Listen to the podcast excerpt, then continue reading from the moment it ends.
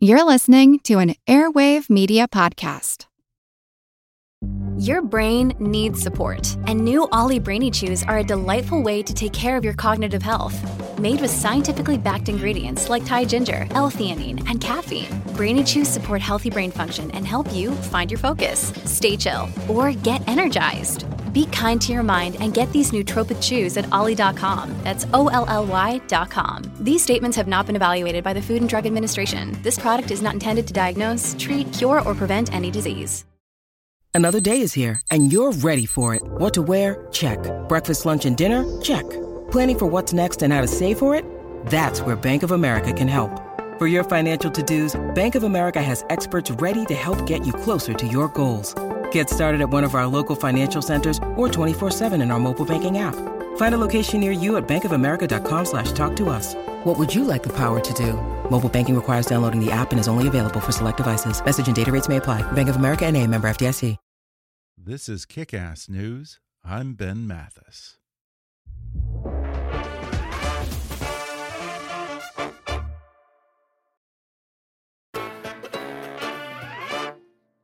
Why is it that comedy is just better in pairs? Abbott and Costello, Laurel and Hardy, Reiner and Brooks, Nichols and May, Key and Peele. And then there's my guest today, Middleditch and Schwartz. Both of them have achieved fame in their own right. Thomas Middleditch as Richard Hendricks on HBO's Silicon Valley, and Ben Schwartz as Jean Ralphio Saperstein on Parks and Rec. But when they get together on stage, something magical happens.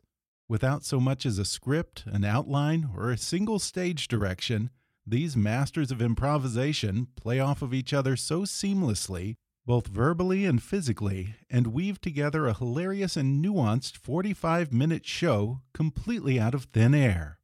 To see Middleditch and Schwartz do improv is the comedic equivalent of seeing Muhammad Ali fight, Fred Astaire dance, or Pavarotti sing. And now everyone can watch them do their thing in a new three part comedy special, Middleditch and Schwartz, now streaming on Netflix. And today, Ben and Thomas join me on the podcast to talk about their improv training at Second City and Upright Citizens Brigade, the fateful day they joined forces to become Middleditch and Schwartz, and why they still get a kick out of trying to make each other crack up on stage. They reveal what it's like to make up a 45 minute play as they go along how they keep as many as 20 characters straight and even switch characters throughout a performance, and what happens when one of them ends the sketch, but the other one just keeps going on. Then we discuss how podcasts have kicked off an improv boom, what it's like to go from performing in small venues to 2,000 seat theaters, and the transition from doing a performance that exists entirely in the moment to recording them for all eternity for the new Netflix specials. Plus, Middleditch and Schwartz talk about their obsession with Daniel Day Lewis, the night they played Carnegie Hall, and more. Coming up with Thomas Middleditch and Ben Schwartz in just a moment.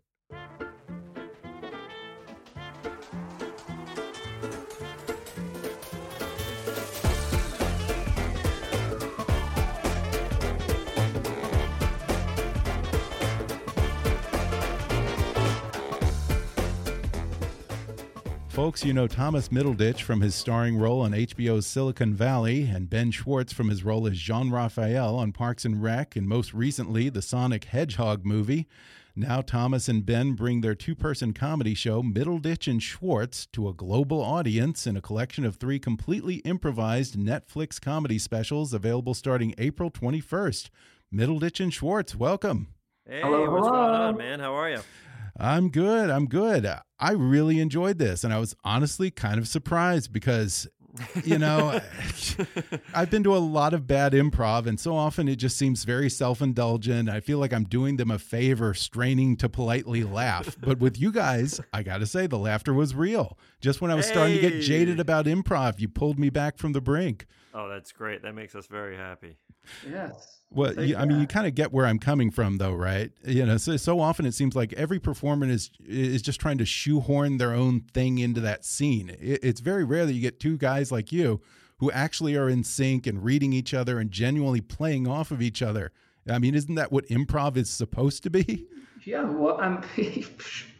Sure, I think there's I think there's plenty of improv uh, groups and and uh, uh, shows that that elevate it to uh, a standard that you that you so desperately seek.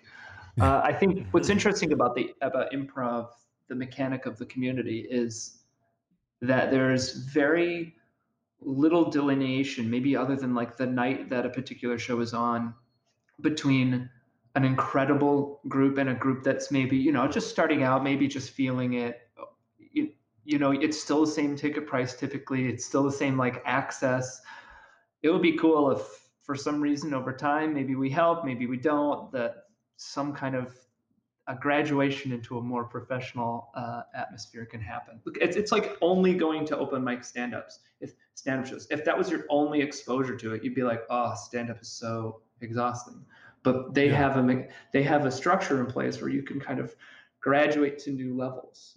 Yeah, and I mean, you guys are performing in big, like 2,000 seat venues and stuff. Usually it's in a small venue and it's like five bucks, 10 bucks to get in. Is there a certain part of you that feels a little bit weird or guilty that you're charging what, probably like 50 bucks for improv? Well, we, we made sure no, also throughout the whole thing that's that we don't outprice our fans yeah. either. Uh, we're not we're not going places charging 70 80 dollars. Oh, we're yeah? going places yeah. charging yeah. Okay. Yeah, right. If we play Radio City Music Hall, maybe.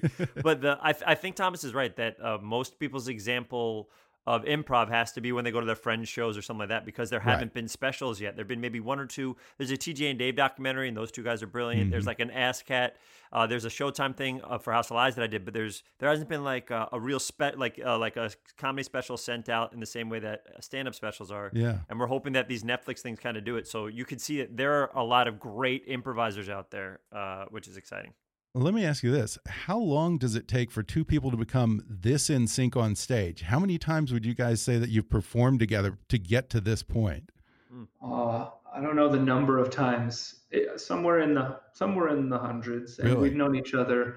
Uh, we've been performing together over 10 years and separately each of us have been doing improv on our own for 20 20 plus years no kidding. I, mean, I started in eighth grade so so it's not like it's not like we just started yesterday. This is like a thing that we've been like dedicating kind of our comedic lives to, yeah. and are finally getting a, sh- a shot to yeah to take it to a grander audience. And how did you two first meet? I mean, what's it like when you meet your improv soulmate? Is it love at first sight or what? yeah, no, it was it was exactly that. I had found the uh, I found an ember, and inside of it was a big mosquito and I had taken the DNA out of the mosquito and I put it into an embryo of a human being. Um, and it just happened that that embryo had frog DNA as well, and out came Thomas Middleditch, this beautiful and my, boy. And my first words were ah ah ah. you didn't say the magic word. Ah, ah, and so, like, we knew it when we saw that. We're like, oh, we knew it. But there, is, there is a. I mean, we met when we were in New York doing UCB together. Chicago. Uh, Thomas came down from Chicago, and there was this system at UCB in New York that you had to kind of go through the classes to perform there. Mm-hmm. And Thomas had taken his classes in Chicago, and Thomas was obviously head and shoulders above, you know almost everybody else at this theater. well, when I saw him, I just thought he was so funny. Yeah. So we met together. We hung out in New York. We like ate pizza. There's a there's a great Two Boots pizza experience with both of us, and then we started doing sh- small shows like Wednesday at 11 p.m. for nobody uh, at eight minutes. Then we did 15 minute shows. Then we did 30 minute shows, and then it just started. It just started getting bigger and bigger. And uh, it just we. You're right though. There is a moment when you realize it really clicks. We're we're both friends, but we're not exactly the same person. We're very yeah. we're different in some ways, and I think that only helps and uh, and elevates yeah. our improv. Yeah, I knew that you were a UCB guy, Ben, but uh, Thomas, I thought that you were a Second City guy. Yeah, yeah, I did. Um, or did you do both? I cut my long form teeth in Chicago with Second City and uh, Improv Olympic. Well, formerly Improv Olympic, now IO IO Chicago is what it's called.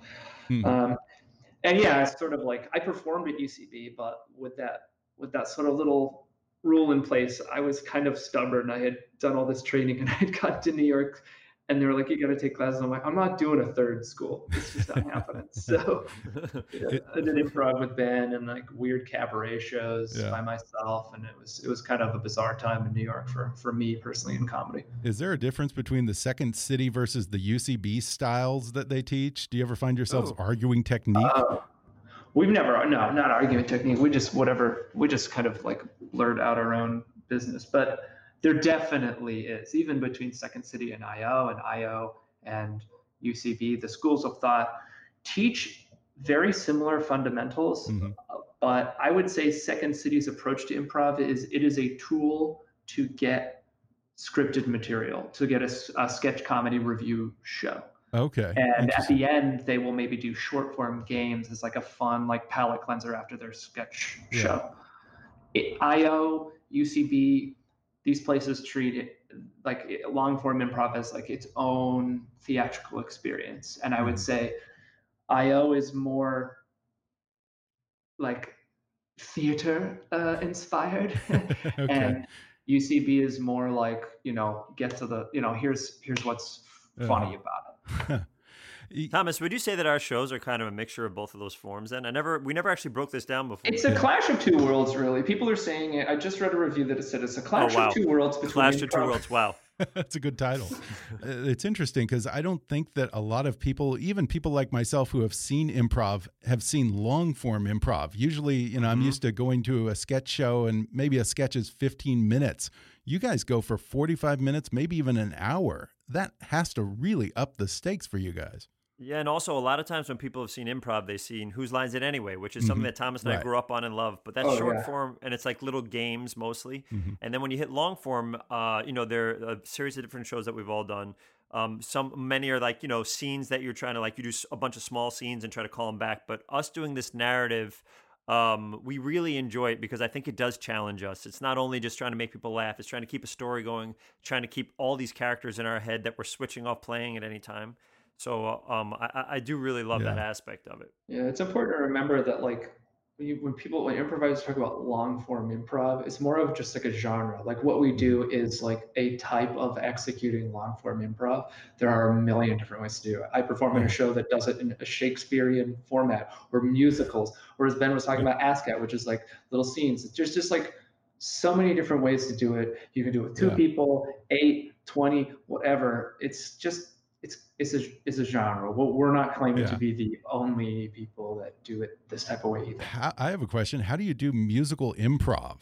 You just make up the lyrics and both, someone plays we've both done in musical. Yeah, we've both. By the way, one of the first times I ever saw Thomas perform, I believe, was in a show called Baby Wants Candy, which is a Chicago show yeah. um, where they, they came to New York for Del Close Marathon, and it was amazing. I lo- I loved it. Yeah, I mean, a show like that, or, or a show like uh, Diamond Wine, which this, uh, uh, which Eliza Skinner is very fa- very funny and talented put together. Essentially, you, what we did, we would we get a title of like, what do you like? What's a made up musical? Here's some yeah. examples. Now you give us a title, and then give it like you know. Yeah, and then we'd start with an opening number and just try and do like cliche music stuff, and there'd be a piano or even like a full like five piece band, and then like they'd start up and we'd wow. start singing. Yeah. That's pretty amazing. What is your favorite made up musical? Oh man, it's been so long since I've I I rarely remember anything that I've done. I remember the biggest thing when I was doing uh, long form uh, or musical improv was, and I think Eliza was either in the group of me or was helping coach or whatever, but was like you start to sing when there's a moment that words just can't express. And when you're like, yeah. no, right. get into so- like this is a moment that could be expressed in a song. Yeah, um, yeah, yeah, yeah. I think uh, Stephen Sondheim said that once. He said that you know when it's a musical moment when an emotion can't be expressed any other way. So that applies yeah. to improv yeah. as well. Huh? Yeah. And it's interesting that, you know, here we are at a time when content is increasingly getting more and more short form. You took a short form art and did a long form version of it. Well, I mean, we didn't. We certainly didn't invent it, but it is mm-hmm. nice that, like, uh, we we mentioned them before. Is this duo TJ and Dave? They're out of Chicago. They're like legendary, legendary improvisers. Mm-hmm. They have a show. I think that runs like five nights a week. They do a lot, but they do this. They do a, a patient sort of story storytelling play, kind of like we're very inspired by them, mm-hmm. and I love the idea of like, especially in a comedy format. It's like, hey, sit down. We're going to tell you a little tale. It's going to be a little silly. We're going to have some laughs, but in the end, it's going to be a satisfying little, well, hopefully satisfying little mm-hmm. story that we all listen to. It's yeah. not. It's not an hour and a half. It's under that. It's under an hour even. So it's yeah. not like crazy long. But that's kind of neat that you. Yeah. yeah. It, it reminds me a lot of the kind of riffing and improv that uh, comedians like you guys do on podcasts like Comedy Bang Bang, almost more than the typical night at the UCB. Uh, do you think that podcasts have been instrumental in popularizing improv with audiences who might not ordinarily think to go to an improv show? I think that it's the, I think it's also podcasts like, in general, just not this one, but yeah, mm. definitely podcasts in general. The idea of like Judd Apatow movies, also and Adam McKay movies mm -hmm. and mm-hmm. stuff like that, introducing those type of people to, yeah, or you know, more the mainstream world. That that is big, and then um, uh, but podcasts, I think like they're obviously we're not doing like a long form improv show because mm-hmm. there's aspects of it that are planned out. Um, but it's I think that Comedy Bang Bang is a good example of it. Improv for Humans is a is an improvised uh, podcast, but I think Comedy Bang Bang being such a, a like a comedy milestone in the podcast world, I think makes it more accessible and also makes it so you can kind of be like, you see how people are making stuff up there? Well, these two guys get on stage and it's just them and they make up a whole whatever play together. Mm-hmm. So I think that's been helpful to point to, yeah. And the other thing that stands out for me about what you guys do is I'm used to seeing improv shows with maybe five or six different people playing one, maybe two roles. I'm not used to seeing two guys playing all the parts and even switching roles at times. That was just amazing to me. I mean, what is the most number of characters that you guys have done in one show? Do you know? Oh, Thomas, we did a Thanksgiving show once, Thomas. You remember that we were every family member around a Thanksgiving table. Yeah, the Thanksgiving show where there, we we established that we're like 20 people coming, and so at that one point, the guests came and we are like, all right, we got 20. like, so each person will walk on like, oh yeah, voice or stance or something. And then we're trying to remember everybody. I think sometimes like we set little challenges for ourselves like that, that are fun to see if we can like squirm our way out of the mm-hmm. corner we figured ourselves into. Yeah. that's fun for the audience and it's fun for us. It's like a little game. Yeah, I mean, when you go that long and have so many characters and build so many layers into a story the way you guys do, how do you keep all of that straight? I mean, it must be like having to keep up with a lie and then a lie on top of a lie and a lie on top of that lie. yeah, it's a bit like Trump. It's like a lot of uh, a lot of like little little clues we'll give ourselves like to remember a character we'll give it a physical thing like there's one of the specials a woman anytime before she talks plays her ponytail so thomas and i know that person is going to be that oh. exact character or speaks with a certain cadence but it's also uh, the two of us are there so if one person kind of forgets something the hope is that the other person has enough of it to keep it going and the other thing to yeah. remember is when we play in la and when we tour sometimes we'll do two shows in one night so we'll make up a whole, and the shows when we do them live are an hour and a half because we play with the audience a little bit more. Mm-hmm. So it's like doing an hour and a half show, taking a 35, 45 minute break, and then doing another hour and a half show. By the end, you're like very drained and, you know, we're sweating and we just want to go home. Yeah, I can imagine. I would say though, what's what I love performing about Ben is if need be, we can we can we kind of loosen up a little bit and be like, no, wait, hold on a minute. Let's just recap everyone who's in the room. right. And there's a lot of, I think there's a lot of, you know, there's pros and cons to that. One, we're like kind of breaking the fourth wall. Oh my God, sacred. No, no, no. But like another way of looking at it is it's just a comedy show. And if, if the audience is confused and they can see we're confused, then you start to see the, the gears come up a little bit. And I've always thought like, no, let's just figure this out because I, I can't, I won't be able to proceed if I don't know who's who you know? Yeah, and so that's some of the best comedy in it when you guys kind of get a little flummoxed or you can't remember who's who or what's going on. I love that yeah. stuff, and but you yeah. play it off really well. I think it shows the realism in it too. Yeah. It just like doubles down on that we're making it up on the spot. It like reminds you like, oh, okay. and also there'll be the, I remember there's a moment in one of the things where we're naming the characters and we forget one, and uh, when we find out later, Thomas remembers. He's like, wait a second, this guy, and and he makes that. What is great is that in improv there are no mistakes. So the mistake of forgetting him there, when we finally meet him, he's the one that fixes the whole show. You know what I mean? And has the next moment. But uh, uh, the, uh, the audience also cheers because they're like, you forgot that person and now you got him and now great, now we're back on track and yeah. stuff like that. Yeah, yeah. It's a great way to bring the audience in. Yeah. We're going to take a quick break and then I'll be back with more when we come back in just a minute.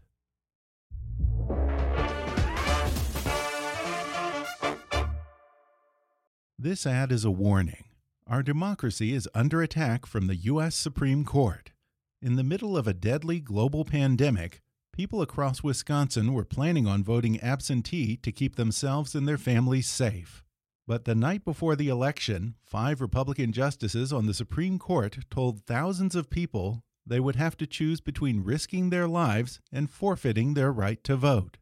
This Supreme Court favoring Republican interests over our democracy is nothing new. They gutted the Voting Rights Act.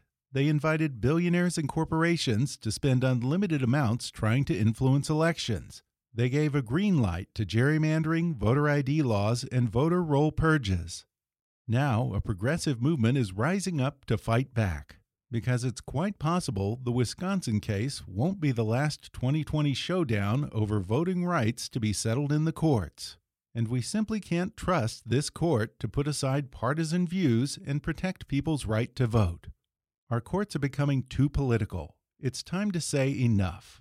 Learn more about how you can join the fight by visiting demandjustice.org/kick. That's demandjustice.org/kick. There's this one scene that I love in the first episode when just so totally apropos of nothing. Thomas walks through a scene as like, I'm a ghost.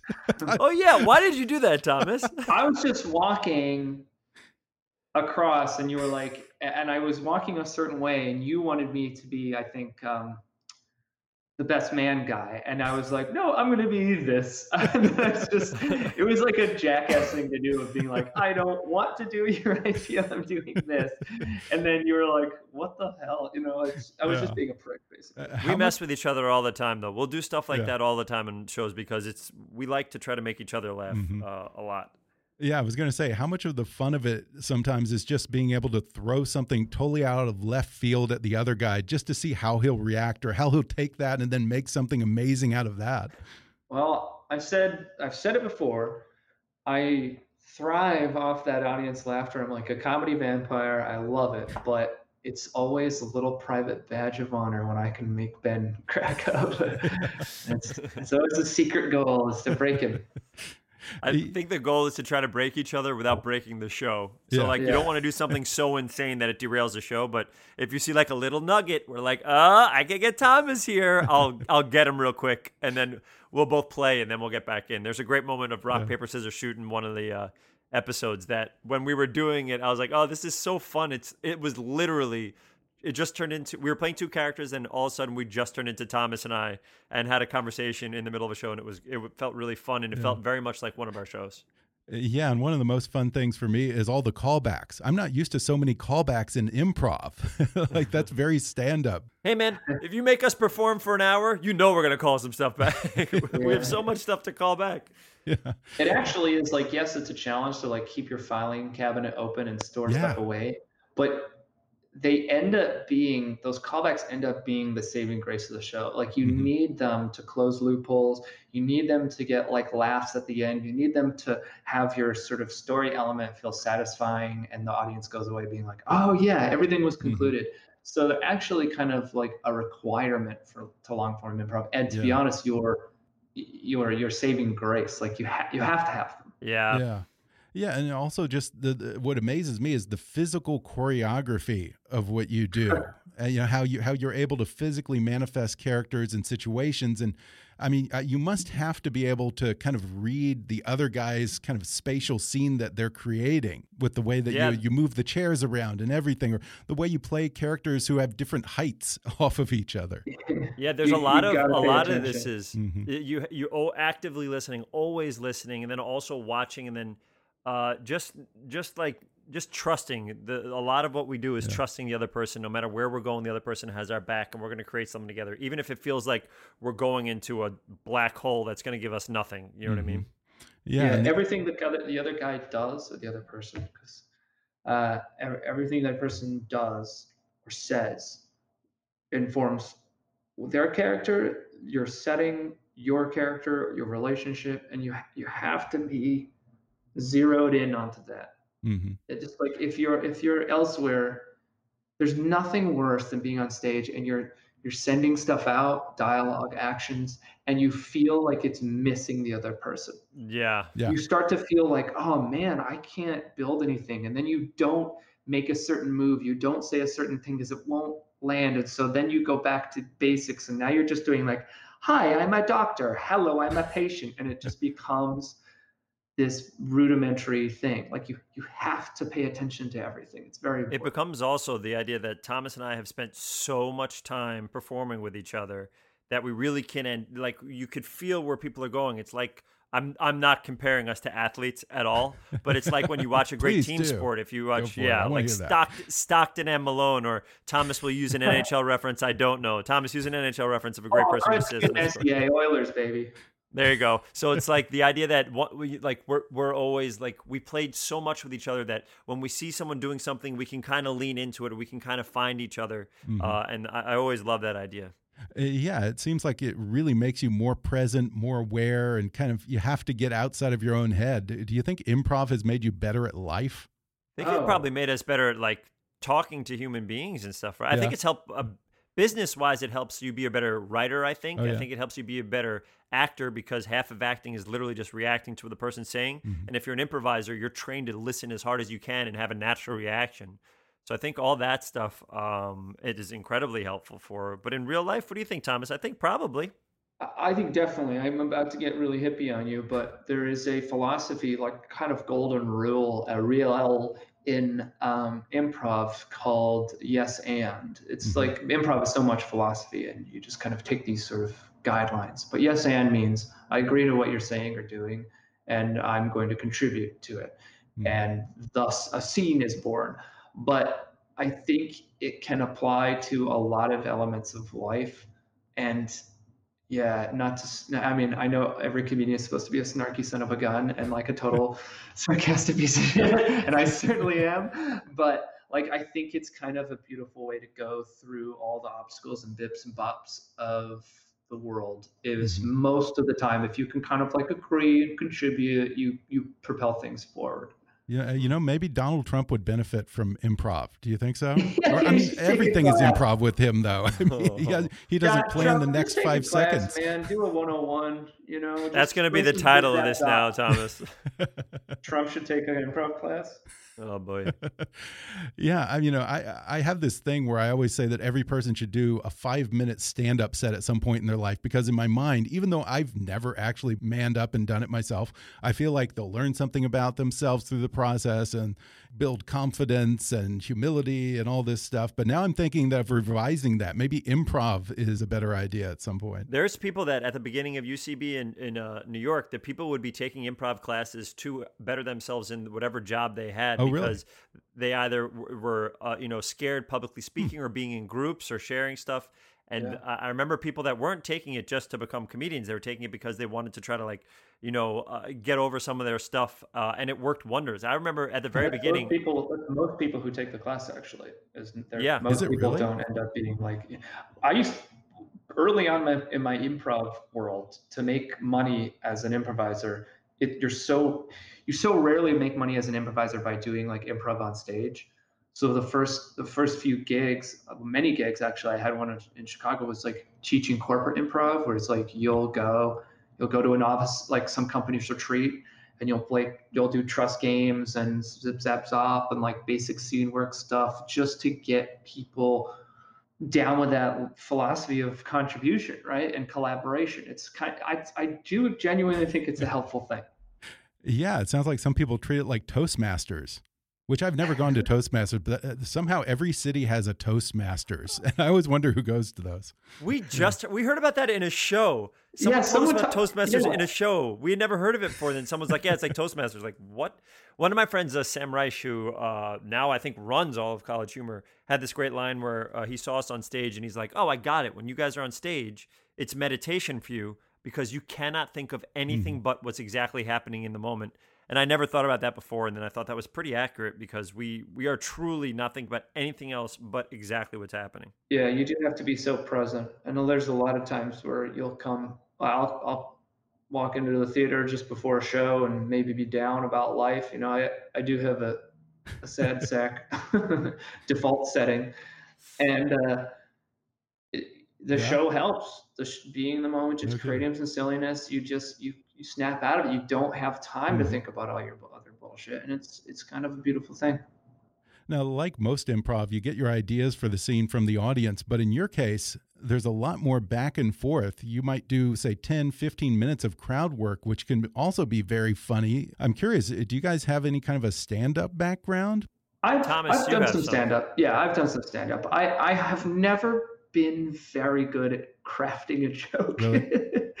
like I'll I've come up with some stuff that I thought was pretty good, and then like Oh, yeah. like I'll go to a, a stand-up event and it'll be like me and Kumail or something, and like I'll go up and be like, that went- that went pretty well, and Kumail will go and just fucking destroy it. I'm like, oh yeah, oh never mind, and uh, and I used to do like again when I was in New York, like before performing regularly with Ben and some other people, I would go to these cabaret spaces and do like character bits. It was very Kaufman-esque in the sense that I would alienate half the audience. Um, but yeah, I recognize that I enjoy doing the odd bit of stand up, and when I have material that I enjoy, I, I, I, I'll do it. But um, yeah, I can't I can't claim to be very good at it. I started off by freelancing for uh, Letterman's monologue, writing jokes for him, and then writing Oh, jokes right. for a Weekend Update. And then I tried by myself to do it, and I did like Boston Comedy Club in New York, and I probably went up ten times, and I bombed once so hard that it made me feel so uncomfortable, and I was totally by myself, and I was taking UCB and stand up at the same time. Uh, you know, I was doing stand up and I was trying UCB at the same time, and I felt such a joy from doing the group aspect of improv, and I really connected with that that I kind of like wanted to choose one, and so I chose improv and sketch and went like full force into that. Um, but stand up is hard, man. Stand up is an art. It, it is. You have to be very good at it to succeed. It is a very difficult thing. Now, you guys, when you perform in LA, I think that you usually go to the Mm-hmm. Largo, which is that's a sort of a smaller venue than you know the kind of places that you're playing on the show. And improv in general tends to be a more intimate art form. How does it change things when you're now performing in these big, what, 2,000, 3,000 seat venues?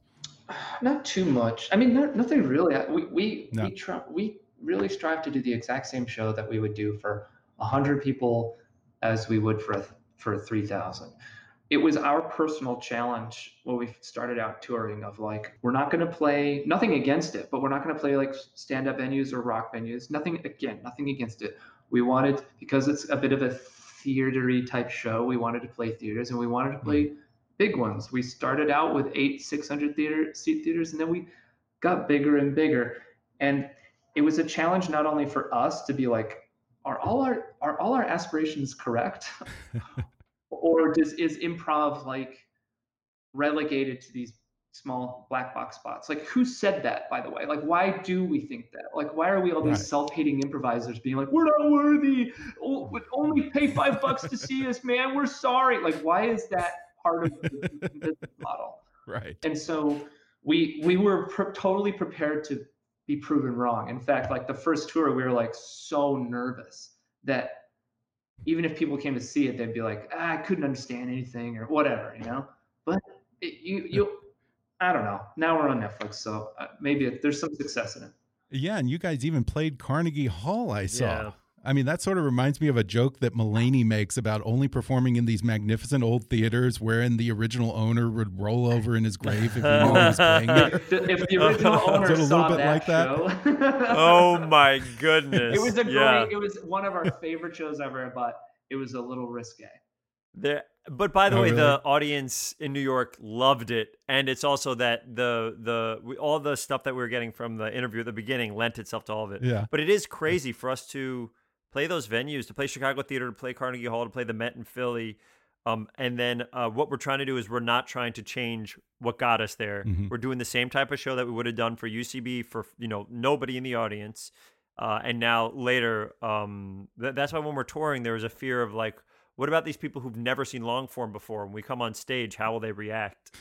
And uh, it just happened to be that they got it and they love it, and it's connecting far more than we could have imagined. Yeah. These specials, even the reaction today, the specials coming out, you know, Thomas and I are like, oh boy, what's going to happen? And then people have been so kind and supportive, and it's been a very cool day. Was that your first time playing a venue built by a robber baron? Is that true? Carnegie. Carnegie, Andrew Carnegie.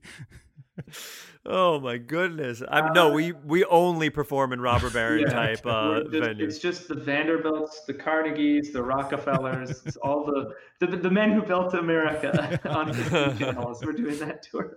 Do you dress up for Carnegie Hall, or do you wear what you wear in a regular top hat, white gloves, yeah. the whole thing? We, by the way, there's a funny story where oh, yeah. we we did um uh, we made these posters. Our friend Sela Shiloni, who's this great photographer um, he we did these posters for Carnegie Hall of us dressed in tuxes, and we borrowed violins, and we took pictures of us, and just to be like, hey, we're playing Carnegie Hall, and like that was the bit. So the poster in front of Carnegie Hall was that poster. and We sold out, great. which is insane. We get there for tech, and we put our little microphones on. You know, we're we are a rinky dink operation. We bring our own mics like with us when we travel. And when and we, we warm them... up sound, it is like we're yelling at each other, doing like beep boop boop. I like to pee in my mouth, la la la. Like it's nonsense. Just to check the sound, it's insane. And then one of these uh, old school guys who works in the back and you know like has been doing the sound there forever is like, hey man, you can't wear that microphone because when you put your violin to your chin and you play, the microphone's gonna get in the way. And we go, oh no no no. Do you think we're? Do you think we play the violin? And he goes, yeah, yeah, yeah, yeah. And I go, oh, no, no, no. I don't think you're going to like this show. yeah. And then we went on stage. He had witnessed the entire warm up, the entire craziness, thinking that we are violin players. Going up, up, up, up. I take my own poop like, and throw it in the, the air. Fuck is this show? What are we doing here? Yeah. But I think we went afterwards and asked what he thought, and I think he dug it. Yeah. yeah he, he was like, Itzhak Perlman never would have done that. but he did.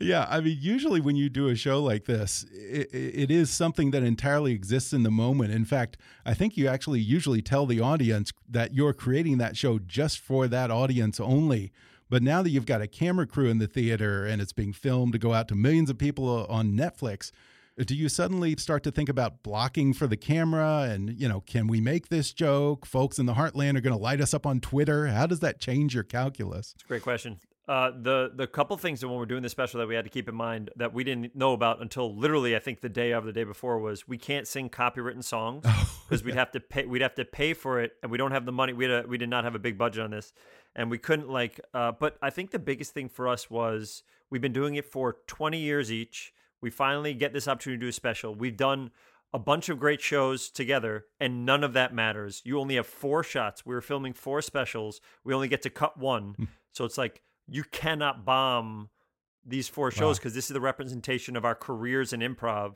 so there was a there was pressure in that but i think thomas and i are pretty good with that type of pressure because improv is basically all pressure situations um, I mean, we, I'm sure we, we, were both nervous because we wanted it to go well. It meant so much to us because we devoted so much of our lives to it. But uh, it, it, was that that stuff. And yeah, you you know, you don't want to. I think we've gotten very good at you know, like we don't we don't want to we want to do what we do, but we don't want to like offend. Our our goal is not to get on stage and offend people. Um, our goal is to make people laugh in the way that we make people laugh. Um, so I think we I, I, I think we're pretty happy with the the the three that just happened to be the mm-hmm. ones we did.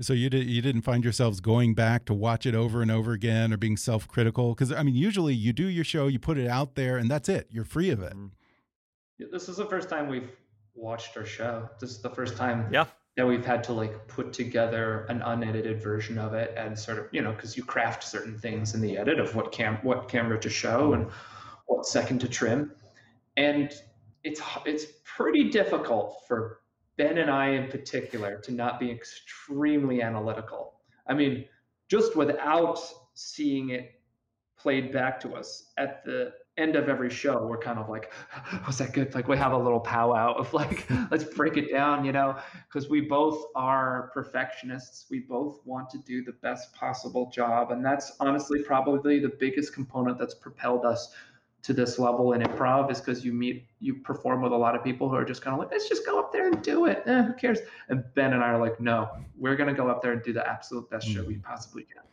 and if and if it feels a little off we'll talk about it and uh, what what we could do better or oh that felt weird or da da da but um, then we'll learn from it and we'll move yeah. on one thing that occurred to me when i watched this is how do you know when a sketch is over? Do you ever get a situation where one of you thinks that he's put a button on it and ended the show, and then the other one keeps going? Oh yes. Yeah. That's happened.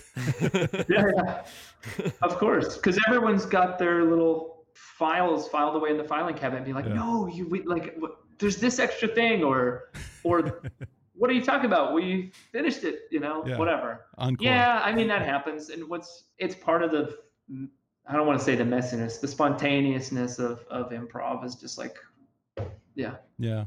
I've also learned from doing a bunch of shows is that I rather call it a minute early as opposed to six minutes late. Right. Like if the if that blackout, if that great final line happened and we nail it and it's great, but if you go like five more minutes, people don't even remember that great line. They're like, oh, and then we end it with like, and that's our show and like stuff like that. So I think there is a, a lot of joy to figuring out. Uh, but we're pretty good at calling. Usually, when one person calls it, the other person is on the same page, or we feel like this is the moment. We, it's it's been an hour and fifteen minutes. Let's let's try to Yeah. find that moment, and we we kind of find that moment, and it's a I it's a think great what's feeling. Interesting is both Ben and I write. We write TV, we write film, Yeah. and not that you want to no neither of us are like wrestling the story part of our show because there is a narrative element. None of us are wrestling it this way or the other. We definitely pitch and sort of be like what about going this way? Okay what about the, going this way? But as a result of all the writing and studying story structure and all this kind of like other background homework we've done is we get a sense for like oh here at this point you can introduce this element that will make the drama element more meaningful. Or right at the end if this guy comes back in and says everybody is uh, under arrest then that will make perfect sense. So it's nice to have it's nice to have that like save the cat.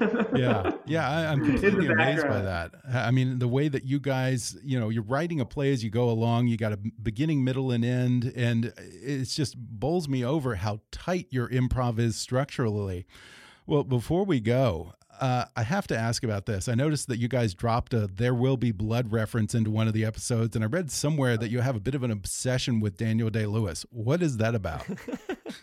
oh he's There's the a- greatest listen. single living actor of all of He's he's incredible. Yeah. But there's this there's this bit we did in Largo, uh, which is the venue in LA, where we did it once or twice. Then we did it a bunch of times because it made us laugh. We would do this bit where we'd be like, "Okay, everybody, we heard that." By the way, everything is made up on the spot. This is just a bit that we did for probably two three months. just to keep uh, us smiling Just yeah, just to, and also for the people who kept coming to the shows, it thought it'd be a funny little thing. We'd be like, okay, we just we've taped off a seat for Daniel Day Lewis. We do this every single show. we just heard that he's probably here, sir.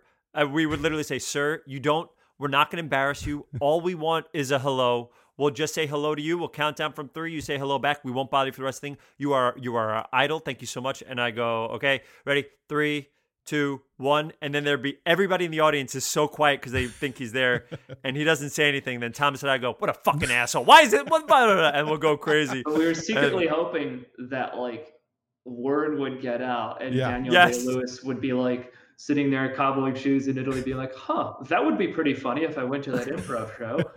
I mean, it, it's insane. Would- But DDL, you're, you've got a comp if you ever need it. anytime you want to come to show. And also, eh, can you imagine? By the way, we never really thought about like anybody can watch these specials now because they're worldwide. There's a Oh, yeah. chance that yeah, DDL Daniel watch the Day-Lewis. specials. yeah, If he has, if he even has a Netflix subscription, I'll be blown away. yeah. I would be blown away. Yeah, Or yeah. even a TV or a laptop. I feel Yeah. like I like. Maybe you can get him on stage. Would you do an improv with DDL? Do anything that guy Absolutely wants Yeah. always. No what are you way. crazy? He hasn't Of taken course. classes. I drank your milkshake. See, every time I try to do Daniel Day Lewis, I end up doing Bane from Batman. I'm not good at this. Work on it. Okay. You were merely born from it. Well, Middleditch and Schwartz is available on Netflix starting April 21st. Ben Schwartz and Thomas Middleditch. Thanks, guys. It was a blast. Thank Thanks, brother. Thank you. Thanks again to Ben Schwartz and Thomas Middleditch for coming on the show. Their three part comedy special, Middleditch and Schwartz, is now streaming on Netflix. For more fun stuff and information, visit middleditchandschwartz.com.